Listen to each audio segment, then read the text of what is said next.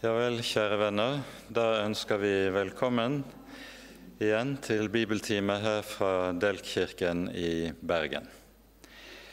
Vi starter nå i høst på en ny serie med gjennomgang av et bibelsk skrift. Det, er, det vi skal ta for oss, er Hebreabrevet. Og vi kommer nå til å bruke den tiden vi trenger til dette brevet, som er umåtelig innholdsfylt. Ehm, vi har eh, foreløpig tenkt at vi kommer til å være her nede i kirken. Dette med tanke på streamingen, som eh, kan, slik at det er mulig for de som sitter rundt omkring, å kunne følge direkte. Men i tillegg er det jo også slik at eh, bibeltimene tas opp og blir tilgjengelig via nettsidene våre. Om vi etter hvert kommer til å flytte opp i menighetssalen og ha bibeltimene der med litt utvidet program, slik som vi har hatt tidligere, dvs. Si før korona, det får vi se litt utover høsten. Foreløpig blir det i hvert fall slik at vi har eh, bibeltimene her i kirken og har det meget enkelt. Vi har åpna med en inngangsbønn. Vi leser bibelteksten, går gjennom tekstavsnittet vi skal ha for oss, og så slutter vi av med Herrens bønn og velsignelsen til slutt. Så det er gangen i det som vi kommer til å ha så lenge vi er her nede i kirken. Igjen varmt velkommen til bibeltime. Vi eh, begynner med at vi ber sammen. Nå takker og lover vi deg, Herre vår Gud, du trofaste Far, du som troner over alle ting. Takk at du er vår Gud, fordi du også har bøyet deg til oss i din elskede Sønn. Takk at vi skal få være dine barn for Jesus skyld, fordi du i ham har utslettet all vår synd og åpnet veien hjem til deg. Takk, Herre, at vi fortsatt skal få lov til å ha det slik at det er mulig å samles om ditt ord. Vi ber deg, Herre, at du vil bevare ditt ord iblant oss. Vi ber deg, Herre, at du vil bevare lysestaken fortsatt imellom oss.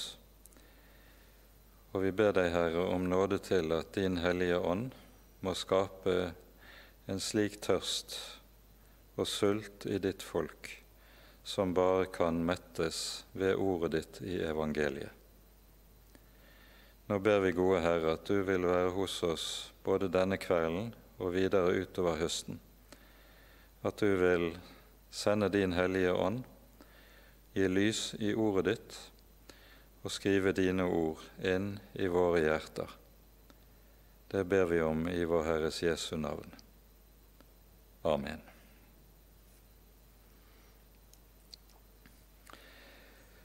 Når vi nå skal eh, starte på en gjennomgang av Hebreabrevet, så er vi inne i det eneste brevet i Det nye testamentet som vi ikke kjenner avsendere til. Det har vært spekulert meget i Kirkens historie over hvem som muligens kan være avsender til brevet. Eh, Luther f.eks. mente at det var Apollos som var avsender. Eh, og i Oldkirken var det flere andre røster som hadde andre tanker om saken. Den eldste henvisningen vi finner i Oldkirken til hebreerbrevet, er i første Klemens brev. Klemens var biskop og leder for menigheten i Roma, og i, 19, nei, i år 96 så skriver han et brev fra Roma til menigheten i Korint. Og I dette brevet har han en rekke henvisninger til hebreabrevet. Og Klemen eh, skriver bl.a. i eh, dette at han mener det er Paulus som er forfatter til brevet. Og han hevder at Paulus opprinnelig skrev brevet på hebraisk fordi det var rettet til jøder. Og så er det Lukas, som Paulus sin medarbeider, som da oversetter brevet. Senere i kirkehistorien finner vi en rekke andre forslag til forfatterskapet. Men allerede når vi kommer til rundt år 250, så innrømmer kirkefedrene det er egentlig ingen som vet hvem som har forfattet brevet. Brevet er veldig spesielt av flere grunner. Ikke bare fordi vi ikke kjenner forfatter, men også pga. språket. Dette brevet har den mest avanserte gresk, den mest høyverdige eh, gresken som vi i det hele tatt kan finne i Det nye testamentet. Og det er tydelig at forfatteren har god utdannelse i klassisk gresk, noe som da er årsak til at brevet har det språket som det har. Man mener at i og med at brevet behandler såpass mye det som har med tempeltjenesten og offertjenesten i tempelet i Jerusalem, eh, uten i det hele tatt å nevne noe om Jerusalems fall ved romerne i år 70, at brevet dermed må være forfattet et stykke tid forut for dette. Ellers ville det vært meget naturlig at brevets forfatter omtalte Jerusalems fall og ødeleggelsen av tempelet som kom sammen med det, i og med at det er et hovedtema i eh, brevet at offertjenesten har nådd sitt opphør pga. Jesu fullkomne offer på Golgata. Men i og med at dette, altså Jerusalems og tempelets fall, ikke omtales, så mener man meget bestemt at brevet må være forfattet i tiåret for, forut for dette, altså mellom år 60 og år 65. I tillegg er det nå enighet innenfor eh, bibelforskningen om at brevet antagelig er opprinnelig en preken, en skriftlig preken, som har vært sendt til menigheten i Roma. Eh, dette pga. flere hentydninger i brevet annet sies det i vers 22 i det siste kapittelet Jeg ber dere, brødre, ta dette formaningens ord vel opp. Jeg har jo bare skrevet til dere i all korthet. Ehm, og Dette uttrykket, formaningens ord, det var et relativt vanlig uttrykk som ble anvendt i forbindelse med prekener, der etter at en hadde undervist om evangeliet og ulike sider ved evangeliet, så trakk en konsekvensene av dette inn i tilhørendes liv. Og da ved hjelp av disse ordene å ta formaningens ord vel opp. Ellers så hører vi også på slutten av brevet at Timotius omtales. Det står i det nest siste verset i kapittel 13 at uh, i vers 23 dere skal vite at vår bror Timotius er løslatt. Det er altså tydelig at Timotius har vært fengslet, eh, antagelig pga. evangeliet, men nå er satt fri. Men når og hvordan dette har foregått, det vet vi overhodet ingenting om. Så de nærmere omstendigheter rundt brevet og brevets tilblivelse kjenner man rett og slett ikke, annet enn at man nå altså er enige om at her står vi overfor et, en skriftlig preken eller bibeltime, om vi skal kalle det for det. Og det er helt klart skrevet av en som må være jøde, og som er meget vel inne i Det gamle testamentets hellige skrifter. Noe som ville vært uvanlig eller høyst usannsynlig om det gjaldt en hedningekristen. Brevet er tydeligvis også skrevet til en gruppe jøder som på grunn av sin tro at de på, for sin tro på Jesus er kommet under forfølgelse. De har lidd tap på eiendom, på ære, posisjon, familie og en rekke ting. Og uh, dette har gjort at flere av dem nå tydeligvis da overveier å vende tilbake til jødedommen og snu troen på Jesus ryggen. Og Brevet har derfor som hovedtema å formane disse og hjelpe disse til å se hva de eier i troen på evangeliet, og i den forbindelse taler om hvor meget bedre den nye pakt er fremfor den gamle pakt. Dette er også et tema som vi møter gjennom hele brevet. Og man har hatt en opptelling når det gjelder ordet 'bedre', der det sammenlignes forholdet mellom den gamle og den nye pakt. Og ordet 'bedre' er et av de ordene som brukes aller hyppigst i brevet. Nettopp av denne grunn som vi her peker på. Det tror jeg får holde som innledning til eh, selve brevet. Og vi gjør det da slik at vi leser gjennom hele det første kapittelet i sammenheng.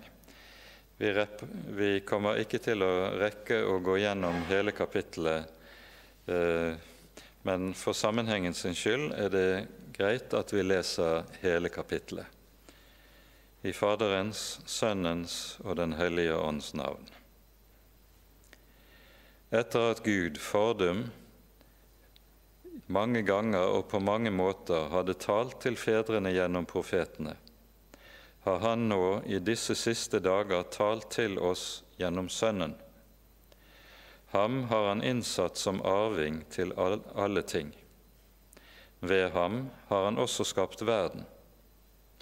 Han er avglansen av Hans herlighet og avbildet av Hans vesen og han bærer alle ting ved sin krafts ord. Etter at han hadde fullført renselsen for våre synder, satte han seg ved majestetens høyre hånd i det høye.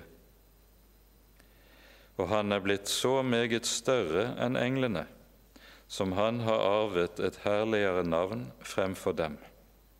For til hvem av englene har han noen gang sagt, Du er min sønn, 'Jeg har født deg i dag', og et annet sted 'Jeg vil være ham en far, og han skal være meg en sønn'.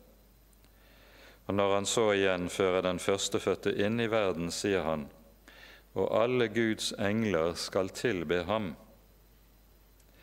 Om englene sier han, 'Han gjør sine engler til vinner' og sine tjenere til flammende ild'. Men om Sønnen sier han, din trone, Gud, står i all evighet, og rettferdsstav er ditt rikes kongestav. Du elsker rettferd og hater lovløshet.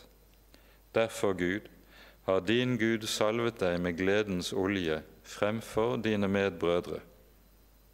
Og du, Herre, la i begynnelsen jordens grunnvoll, og himlene er dine henders verk. De skal gå til grunne, men du forblir. De skal alle eldes som et klesplagg, som en kappe skal du rulle dem sammen. Som et klesplagg skal de alle skiftes, men du er den samme, og dine år tar aldri slutt. Men til hvem av englene har han noen gang sagt:" Sett deg ved min høyre hånd, til jeg får lagt dine fiender til skammel for dine føtter. Er de ikke alle tjenende ånder, som sendes ut til tjeneste for deres skyld, som skal arve frelse? Amen.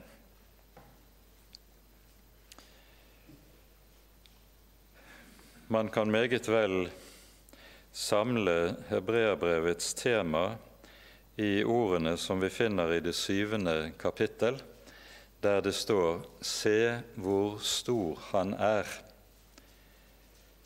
For det som brevet har nettopp som tema, er å male for oss Kristi høyhet, Kristi storhet. Og Dette er altså en tematikk som allerede brevets åpningskapittel konsentrerer seg meget klart om. Brevet begynner med ordene etter at Gud i fordums tid mange ganger og på mange måter hadde talt til fedrene gjennom profetene, har han nå i disse siste dager talt til oss gjennom Sønnen. Og med ordene 'Gud har talt' så møter vi en sannhet som er helt avgjørende i kristen tro. Kristen tro hviler på nettopp den sannhet at Gud er en Gud som taler, som har gitt seg klart og tydelig til kjenne gjennom sitt ord. Mange mennesker sier de tror på Gud, men de tror ikke på det Gud har talt. Den slags gudstro åpner utelukkende døren for spekulasjon og fri fantasi.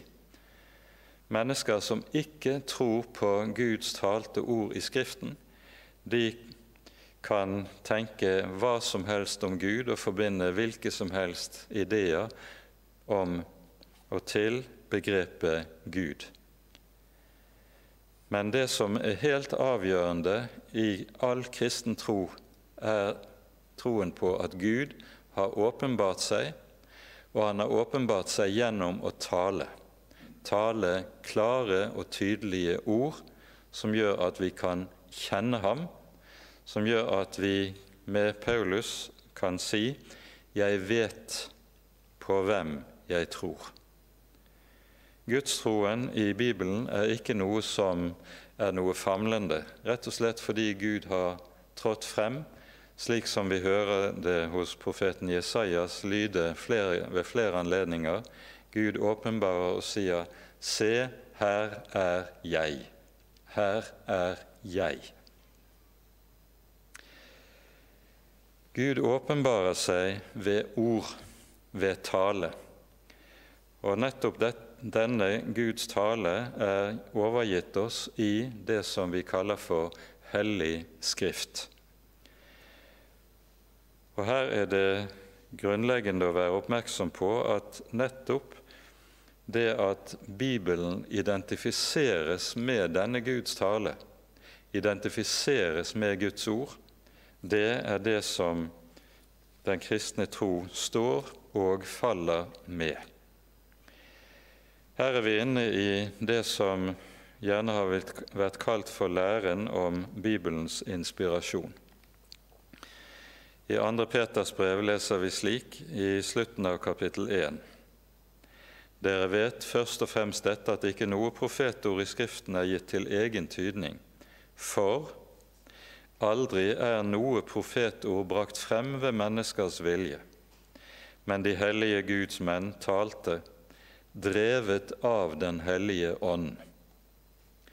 Og det at disse taler drevet av Den hellige ånd, det er nettopp uttrykk for at de ord vi finner i Den hellige Skrift, det er ikke blott og bart menneskets ord, det er Den hellige ånds tale, det er Guds tale til oss i Skrift. I tråd med dette tales det altså om Skriftens inspirasjon. Et uttrykk som er hentet fra 2. Timotius brev, der vi i det tredje kapittel hører Paulus eh, skriver til sin unge venn Timotius om eh, nettopp hva Den hellige skrift er for noe. Han sier i vers 16 i kapittel 3 i 2. Timotius brev hele Skriften er innåndet av Gud og nyttig til lærdom, overbevisning, rettledning, opptuktelse i rettferdighet. Uttrykket 'innåndet av Gud' Det er et gresk ord som bokstavelig betyr 'Gud innpustet'. Det er skrevet i ett ord på den greske grunnteksten. Og tankegangen er den at det er Gud som ved sin hellige ånd har innåndet Skriften, på samme måte som Gud innåndet eh, pust i Adams nese i skapelsen. Vi hører i Første Mosebok 2 hvordan Gud former det første mennesket av jordens støv, og så sies det Gud blåste livets ånde inn i hans nese, og Adam ble til en levende sjel. På samme måte så har Gud blåst sin hellige ånd inn i menneskelige ord i, som er blitt til levende ord, til Guds ord, til Den hellige ånds ord. Og dette håndheves slik i vår bibel at Bibelens ord er identiske med Guds ord. Og Her står vi nettopp overfor et av de mest alvorlige avvik som vi finner i våre dager, og som dukket opp allerede med den liberale teologi for 200 år tilbake. Disse hevdet nemlig at du kan finne Guds ord i Bibelen, men Bibelen er ikke identisk med Guds ord. Det man da gjør, det er å etablere et skille mellom Den hellige skrift og det som er Guds ord i Skriften. Og så blir det opp til den enkelte teolog eller pave eller hvem det måtte være, å kunne skille mellom hva som er Guds ord i Bibelen, og hva som ikke er Guds ord i Bibelen. Og Dette ser vi skje gjennom hele den moderne teologihistorien de siste 200 år, der den ene teolog legger absolutt vekt på bestemte sider ved Bibels budskap. En annen teolog gjør noe helt annet. Og så skifter den ene skoleretning eh, efter den andre plassen om å herredømme i, i den teologiske verden. Slik blir det at Bibelen dermed blir underlagt fullstendig vilkårlighet, der disse som velger en side i Skriften og sier 'dette er Guds ord', som regel er det de da velger ut, ikke noe annet enn et bilde av deres egne preferanser og deres egne tanker. Her kunne vi passende minne om Pete Hines sitt lille grukk. Det eneste av han, Pete Hines sine grukk som jeg selv kan utenat. Han sier i en sammenheng Herrens visdom svikter ei. Derfor mener han som jeg. Og Dette har stort sett vært devisen til teologer gjennom de siste par hundre år, noe vi også ser i dagens kirkebilde, der man setter tykke streker over de ulike sider av Bibelens budskap som en ikke finner at en kan godta med sin moderne og meget opphøyde fornuft, mens andre sider det tar en til seg ettersom det måtte passe. Det det da innebærer rent konkret, det er at en bruker de bibelord som en plukker ut av Bibelen, til å legitimere eget liv, egne tanker, egen livsstil i stedet for at Bibelen får fungere som en kritisk instans overfor en selv og eget liv. Her gjelder det helt avgjørende at det er Bibelen som skal kritisere oss, ikke vi som skal kritisere Bibelen. Vi står ikke over Bibelen, vi står under den. Og fordi Gud har inspirert det ordet som er gitt i Skriften, er det at hebreerbrevet kan innledes slik som vi hører det Gud har talt. Det er Guds egen røst, det er Guds egne ord, det er Guds egne tanker du hører gjennom Den hellige skrift. Intet annet. Og vi mennesker er ikke de som er i en stilling at vi kan bedømme dette etter forgodtbefinnende. Gud har talt. Det er den store gave som er gitt oss i Den hellige Skrift. For med det har Gud gitt seg til kjenne, slik at vi kan kjenne ham som den han er. Vi kjenner ham ikke bare som en løs tanke i kraft av spekulasjoner, som en som troner bak alle blåner i en tåke som er ugjennomtrengelig. Han har trådt tydelig og klart frem, og han har åpenbart seg i ord. Det som jeg tror vi har lov til å si er begynnelsen på Den hellige Skrift, det er det som skjer ved Sinai berg. Etter utgangen av Egypt fører, folket, fører Gud folket til Sinai for å åpenbare seg og eh, innstifte sin pakt med folket. Og Her ved Sinai skjer noe som ikke skjer noe annet sted overhodet. Det er helt enestående i frelseshistorien nemlig at folket, når det er samlet, hører Guds egen røst tale fra fjellet. De hører ikke Gud tale gjennom en profet via et menneskes munn. De hører Guds egen røst, og denne røst høres av hele folket. Dette er uhyre fryktinngytende for folket, slik at folket etter at Gud har åpenbart de ti bud, ber Moses og sier:" La oss ikke lenger høre på denne veldige røst, for da må vi dø.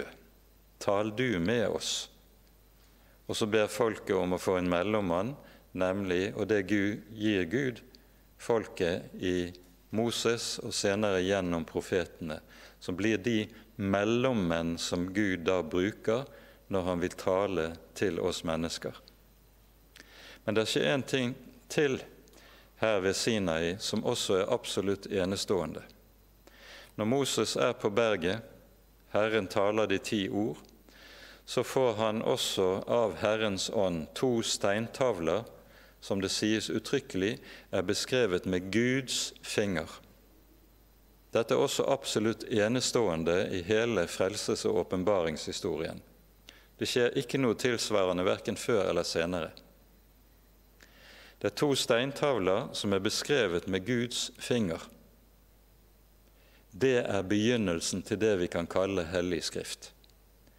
Og all senere hellig skrift, slik som det er gitt oss i Bibelen, er dypest sett skrevet med Guds finger.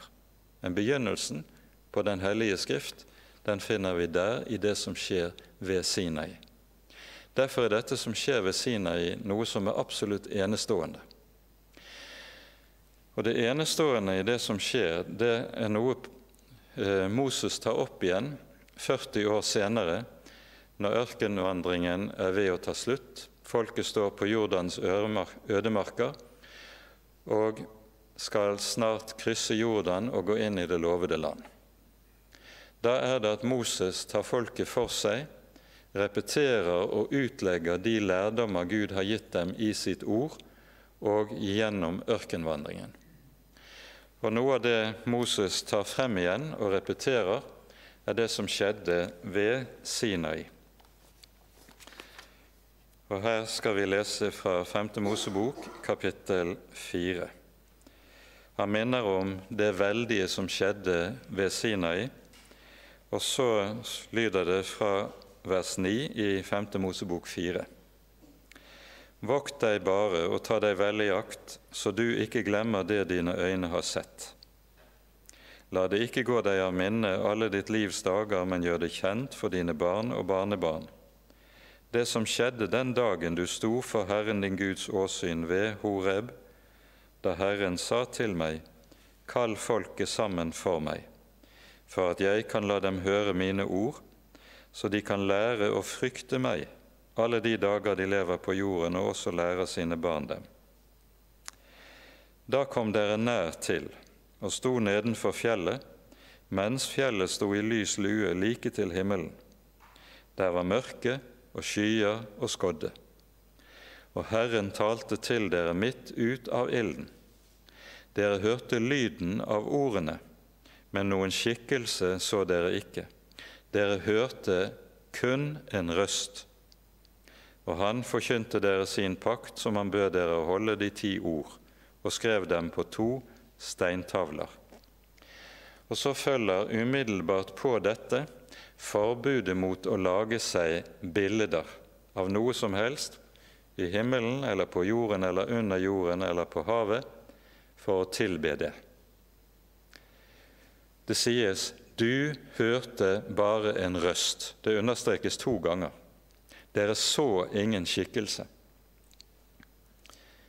Poenget er at når Gud åpenbarer seg for sitt folk, så gjør han det i ord, altså gjennom noe som kommer til oss gjennom hørselssansen, ikke gjennom det som kommer i bilder gjennom synssansen.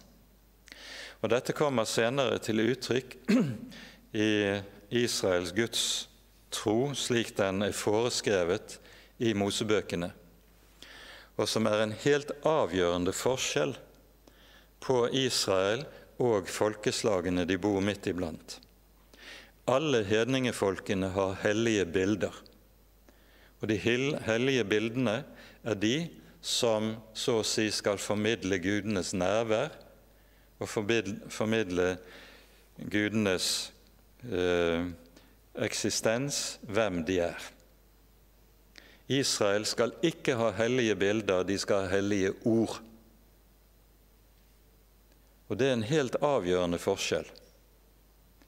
Og Derfor er det slik at det som ble Israels store skatt, som skulle være Israel faller jo ned i av, nabofolkenes avgudstjeneste på ny og på ny. Men det som skal være Israels særpreg, det er nettopp dette de har hellige ord. For det er i disse ord Gud åpenbarer seg, og det er gjennom disse ord folket kan forholde seg til Gud. Gud lærer en å kjenne kun gjennom disse ord. Gud skal dyrkes kun i kraft av disse ord. Gud skal vi forholde oss til utelukkende ved disse ord. Israel har hellige ord. Nabofolkene har hellige bilder. Det er en helt avgjørende forskjell som er helt grunnleggende. Og Nettopp dette er det som Bibelen senere fremholder gjennom ordets virkelighet. Dette som vi her er inne på, det understrekes i 1. Samuels bok når vi hører hvordan profeten Samuel kalles i det tredje kapittelet i 1. Samuels bok. Dere husker gutten Samuel er i helligdommen under ypperstepresten Elis tilsyn. Han er fortsatt bare en gutt, og så kommer Herren om natten og kaller på ham.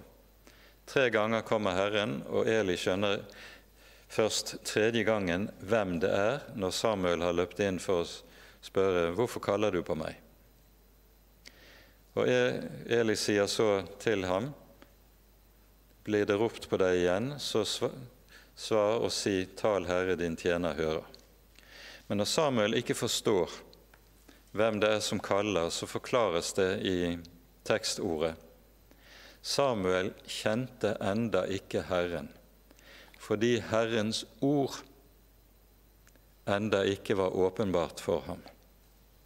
For det er gjennom Herrens ord man lærer Herren å kjenne. Og så sies det i slutten av samme kapittel Samuel vokser til, blir profet for Israels folk.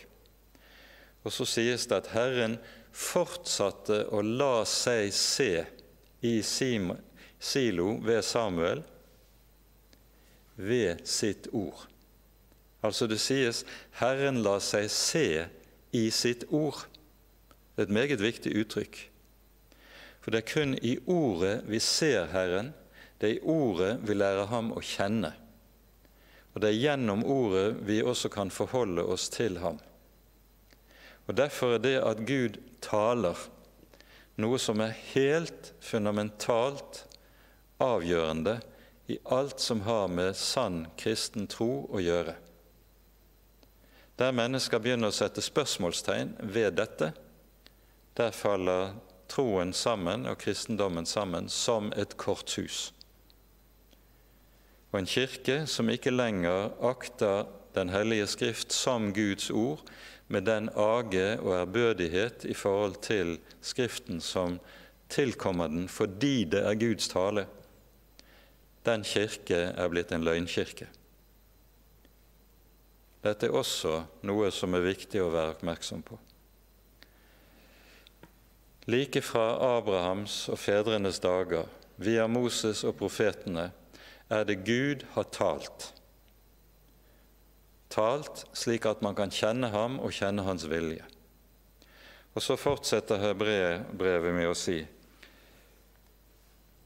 Men nå, i disse siste dager, har han talt til oss ved Sønnen. Tidligere har Gud brukt profeter som redskap. Han har talt ved profetene, gjennom profetene. I disse siste dager har han talt ved Sønnen.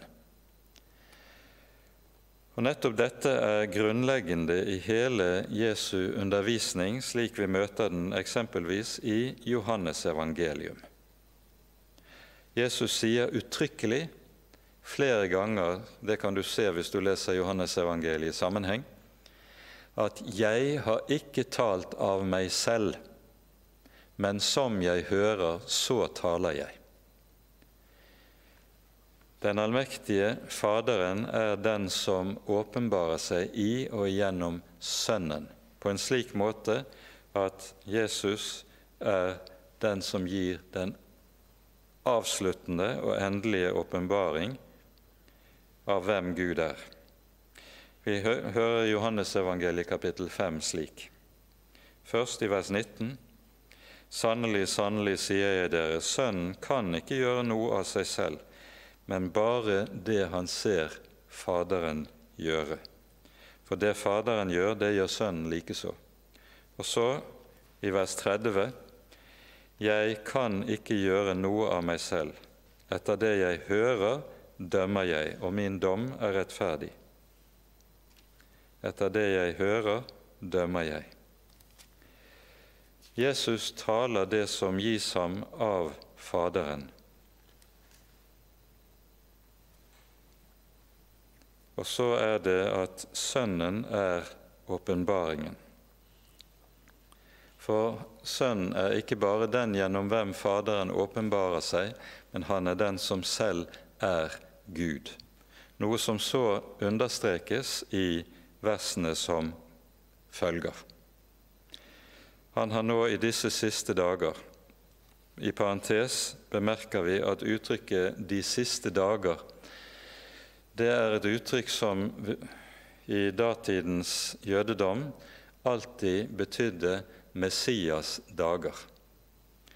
Og Messias dager det er altså tiden mellom Kristi første komme og hans annet komme.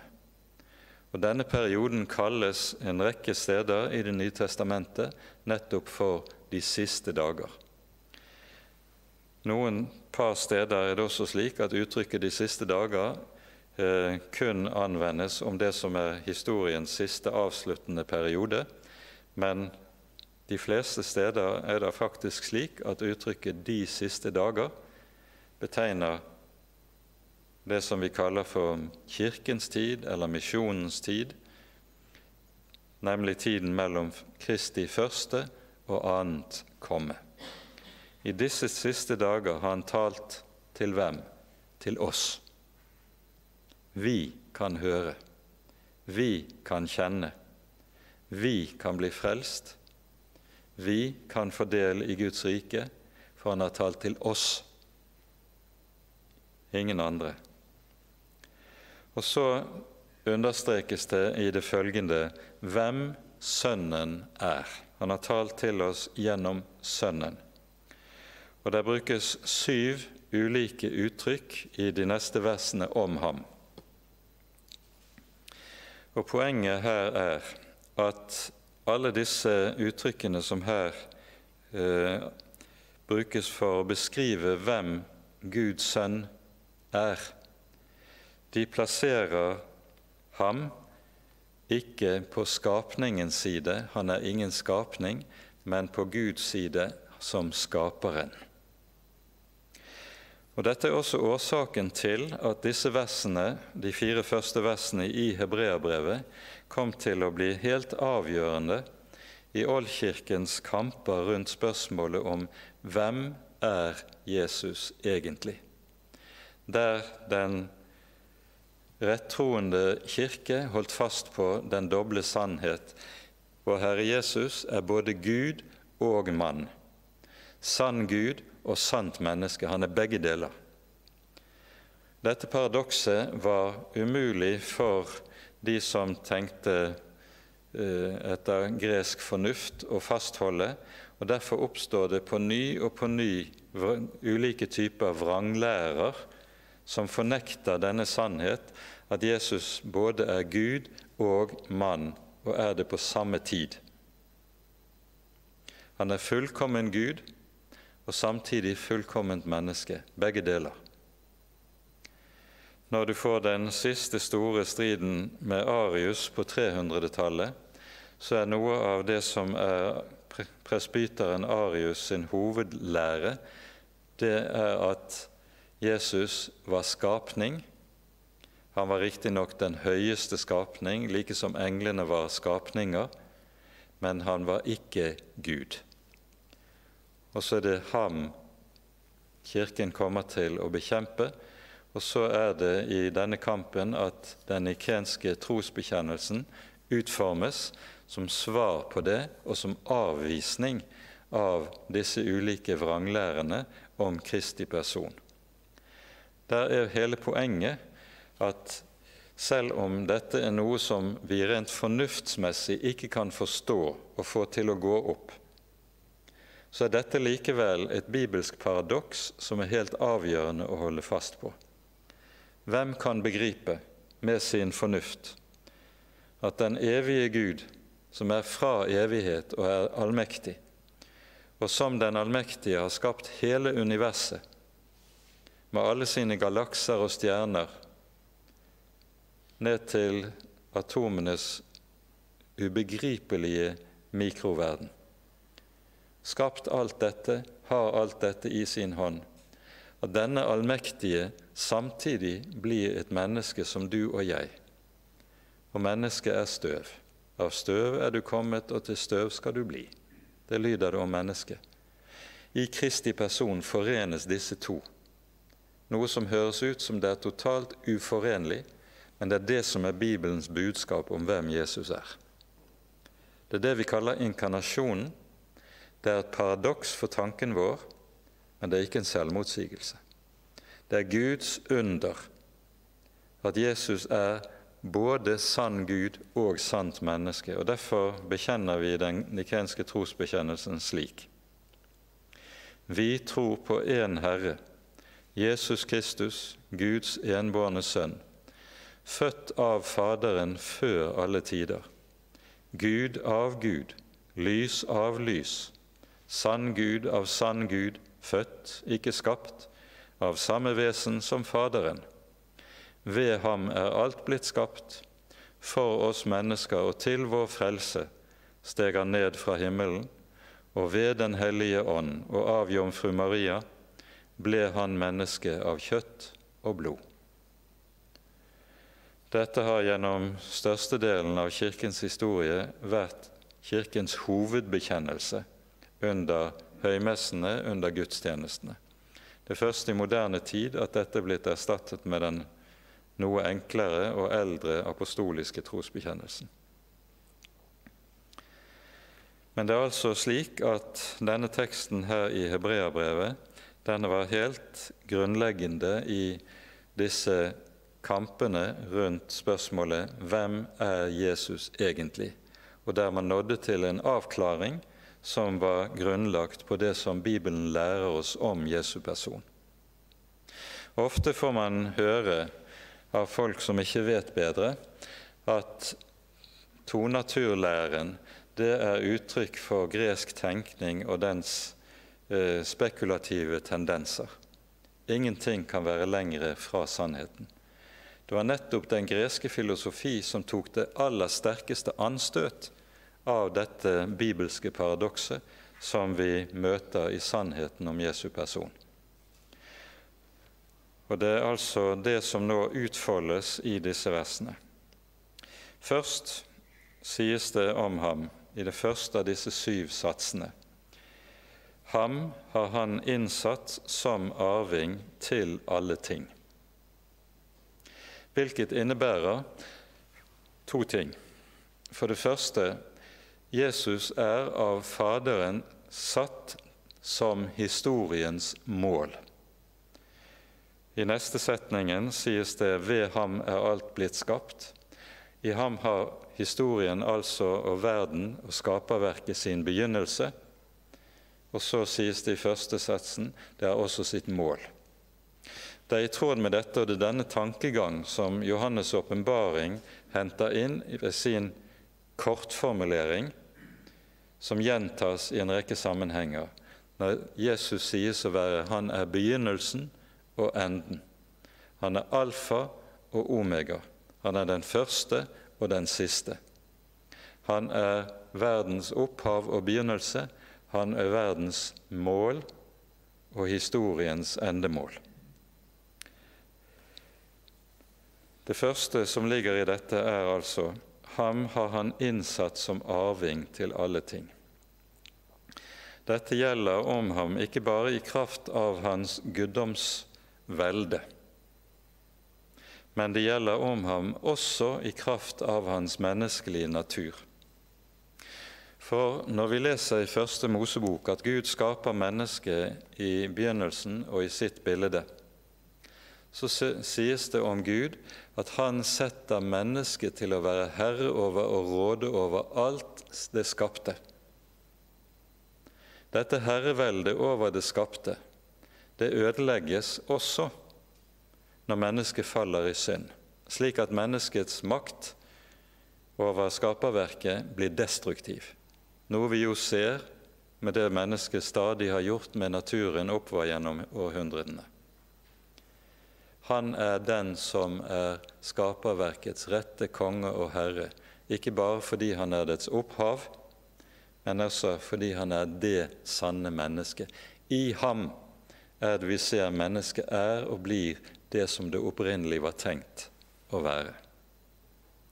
Og så ble han satt til å råde over hele skaperverket.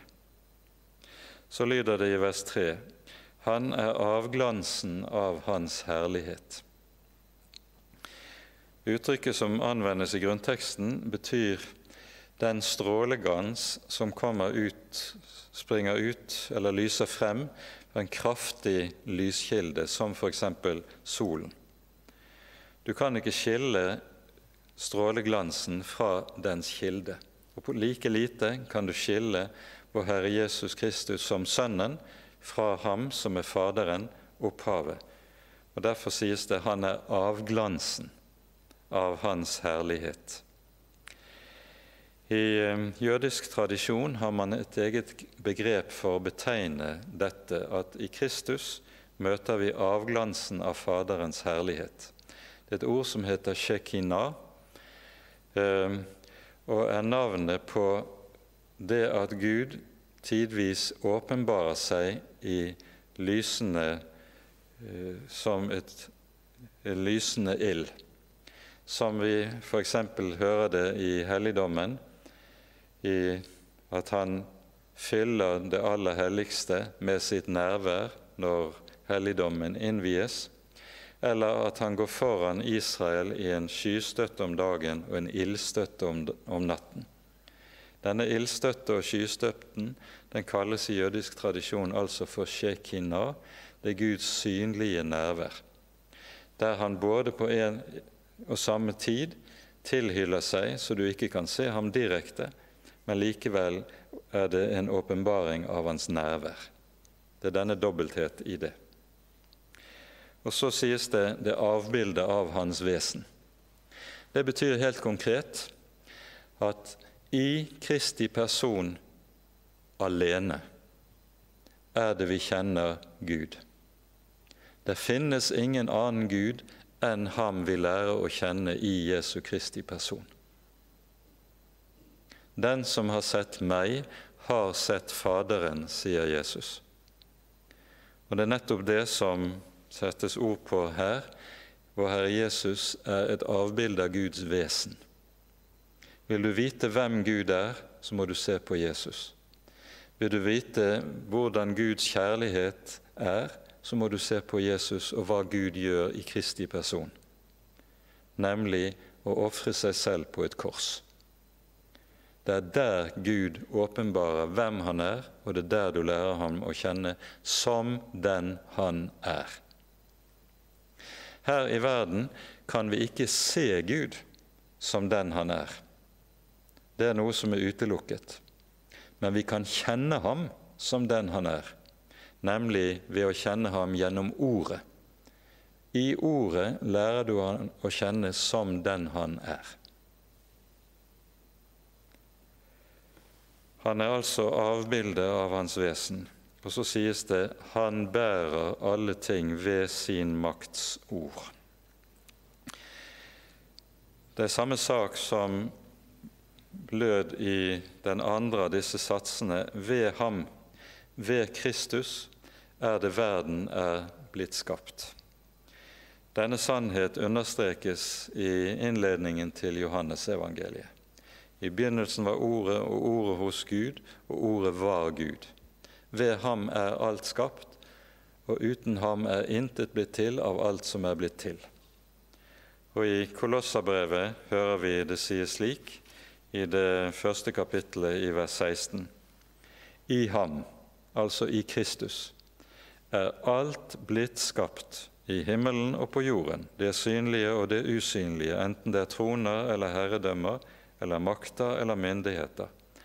Alt er det skapt ved ham og til ham. Han er opphavet og målet, begynnelsen og enden. Og så bærer han alle ting ved sin makts ord. Det er ved ordet alt er blitt til.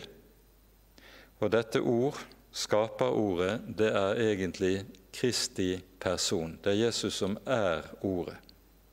Når det i begynnelsen lyder at Gud sier, slik vi hører det, det blir lys, og det ble lys, så er det skaperordet som lyder her, det er dypest sett Kristi person.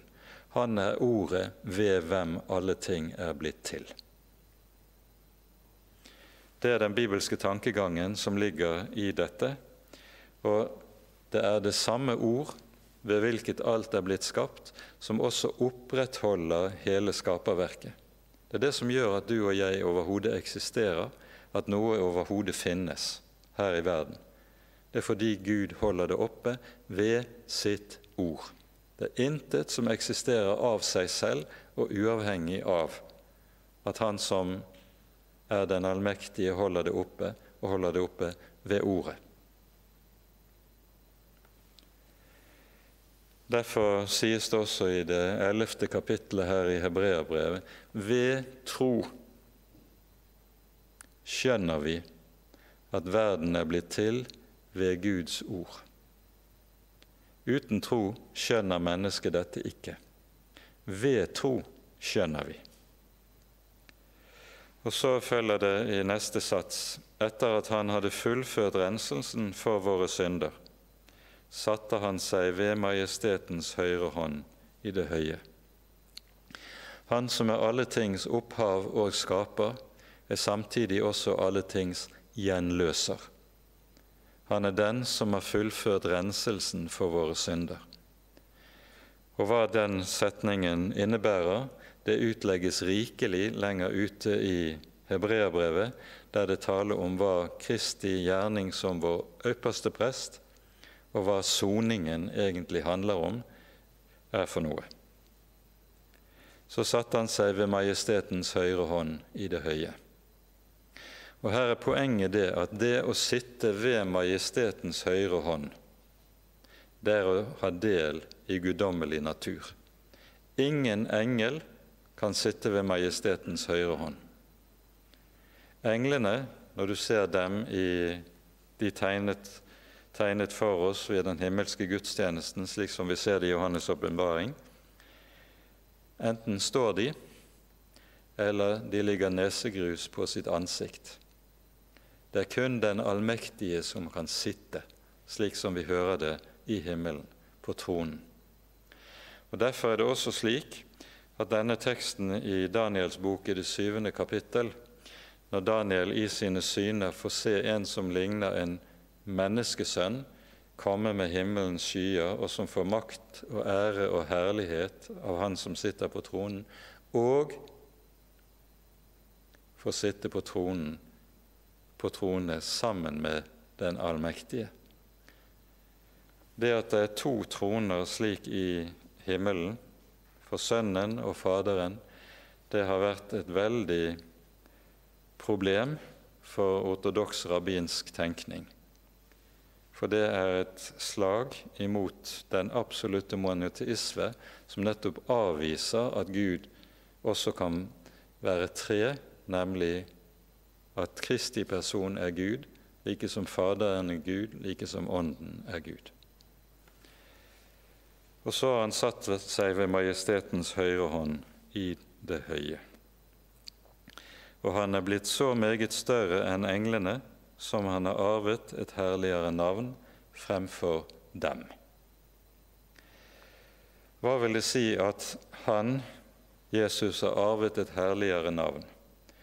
Det er det store navnet, nemlig Guds navnet det som åpenbares for Moses ved tårnebusken. Når Moses står ved tårnebusken, så spør han, han som åpenbarer seg der, hva er ditt navn, for at jeg kan fortelle dem som du sender meg til. Og Herren svarer, Jeg er den jeg er. Så skal du si til Israels barn, Jeg er, har sendt meg til dere.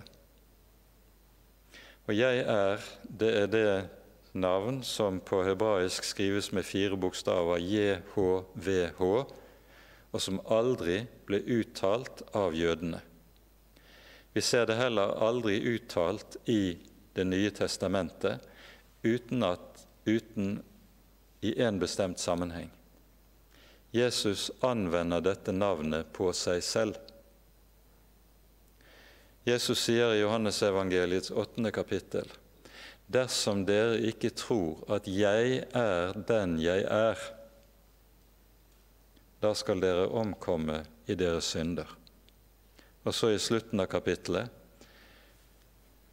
når jødene spør han, du er ennå ikke 40 år og har sett Abraham, svarer Jesus, før Abraham var, jeg er.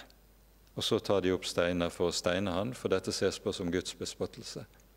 Jesus anvender det hellige navnet på seg selv og sier, 'Jeg er den som bærer det hellige Guds navnet'. Navnet JHVH ble altså aldri uttalt av jødene, men ble i stedet erstattet med et annet ord, som betyr 'Herren' i våre oversettelser, på hebraisk Adonai.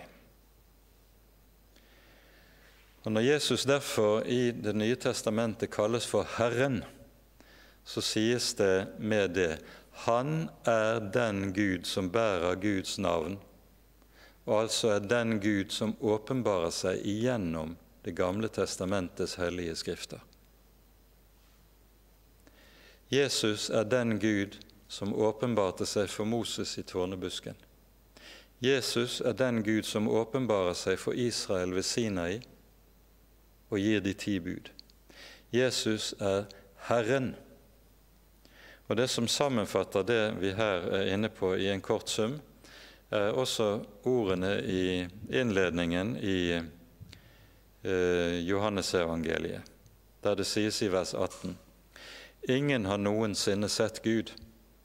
Den enbårne sønn som er i Faderens skjød, han har åpenbart ham.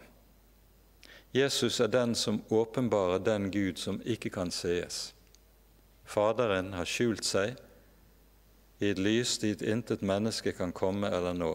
Jesus er den som åpenbarer ham. Men Jesus er den som ikke bare åpenbarer Faderen i den nye pakts tid. Ordene 'Han har åpenbaret ham', 'Han har forklart ham', det gjelder også hele den gammeltestamentlige tid. Det er en vanlig misoppfatning blant kristne at i Det gamle testamentet så er det Faderen som åpenbarer seg, i Det nye testamentet er det Sønnen som åpenbarer. Saken er etter nytestamentlig tankegang at det er Sønnen som åpenbarer Gud også gjennom hele Det gamle testamentet. Og Dette er bakgrunnen for de skriftsitatene som så følger i resten av kapittel 1, som alle handler om at det taler om Gud som skaper, som den allmektige, osv de, alle disse skriftordene anvendes på Kristi person. Det er Han som er Herren, det er Han som er den Gud som omtales i disse skriftordene. Det er poenget. Jesus er inne på den sannhet vi her taler om, også i Johannesevangeliet, nemlig i det 17. kapittelet i sin ypperste prestelige bønn.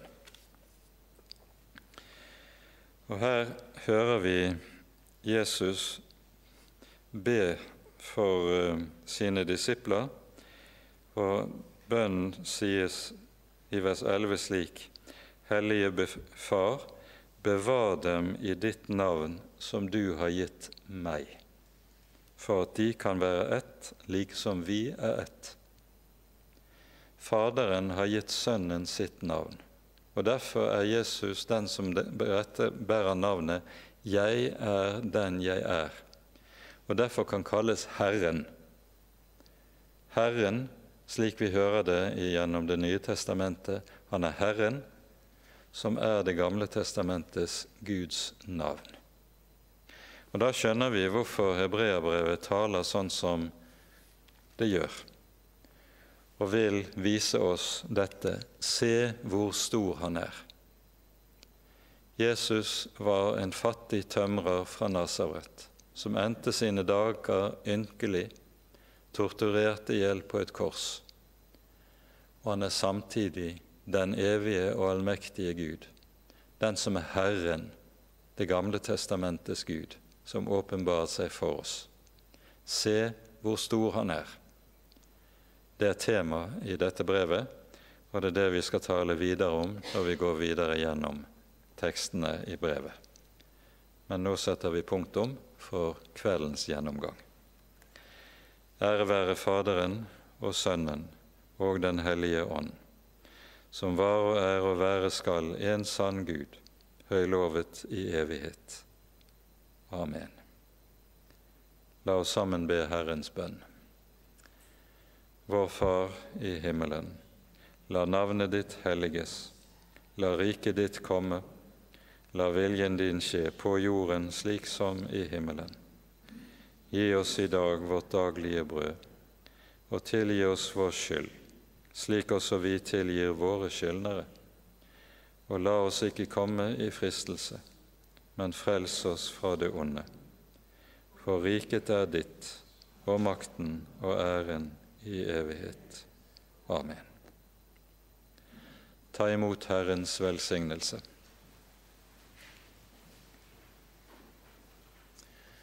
Herren velsigne deg og bevare deg.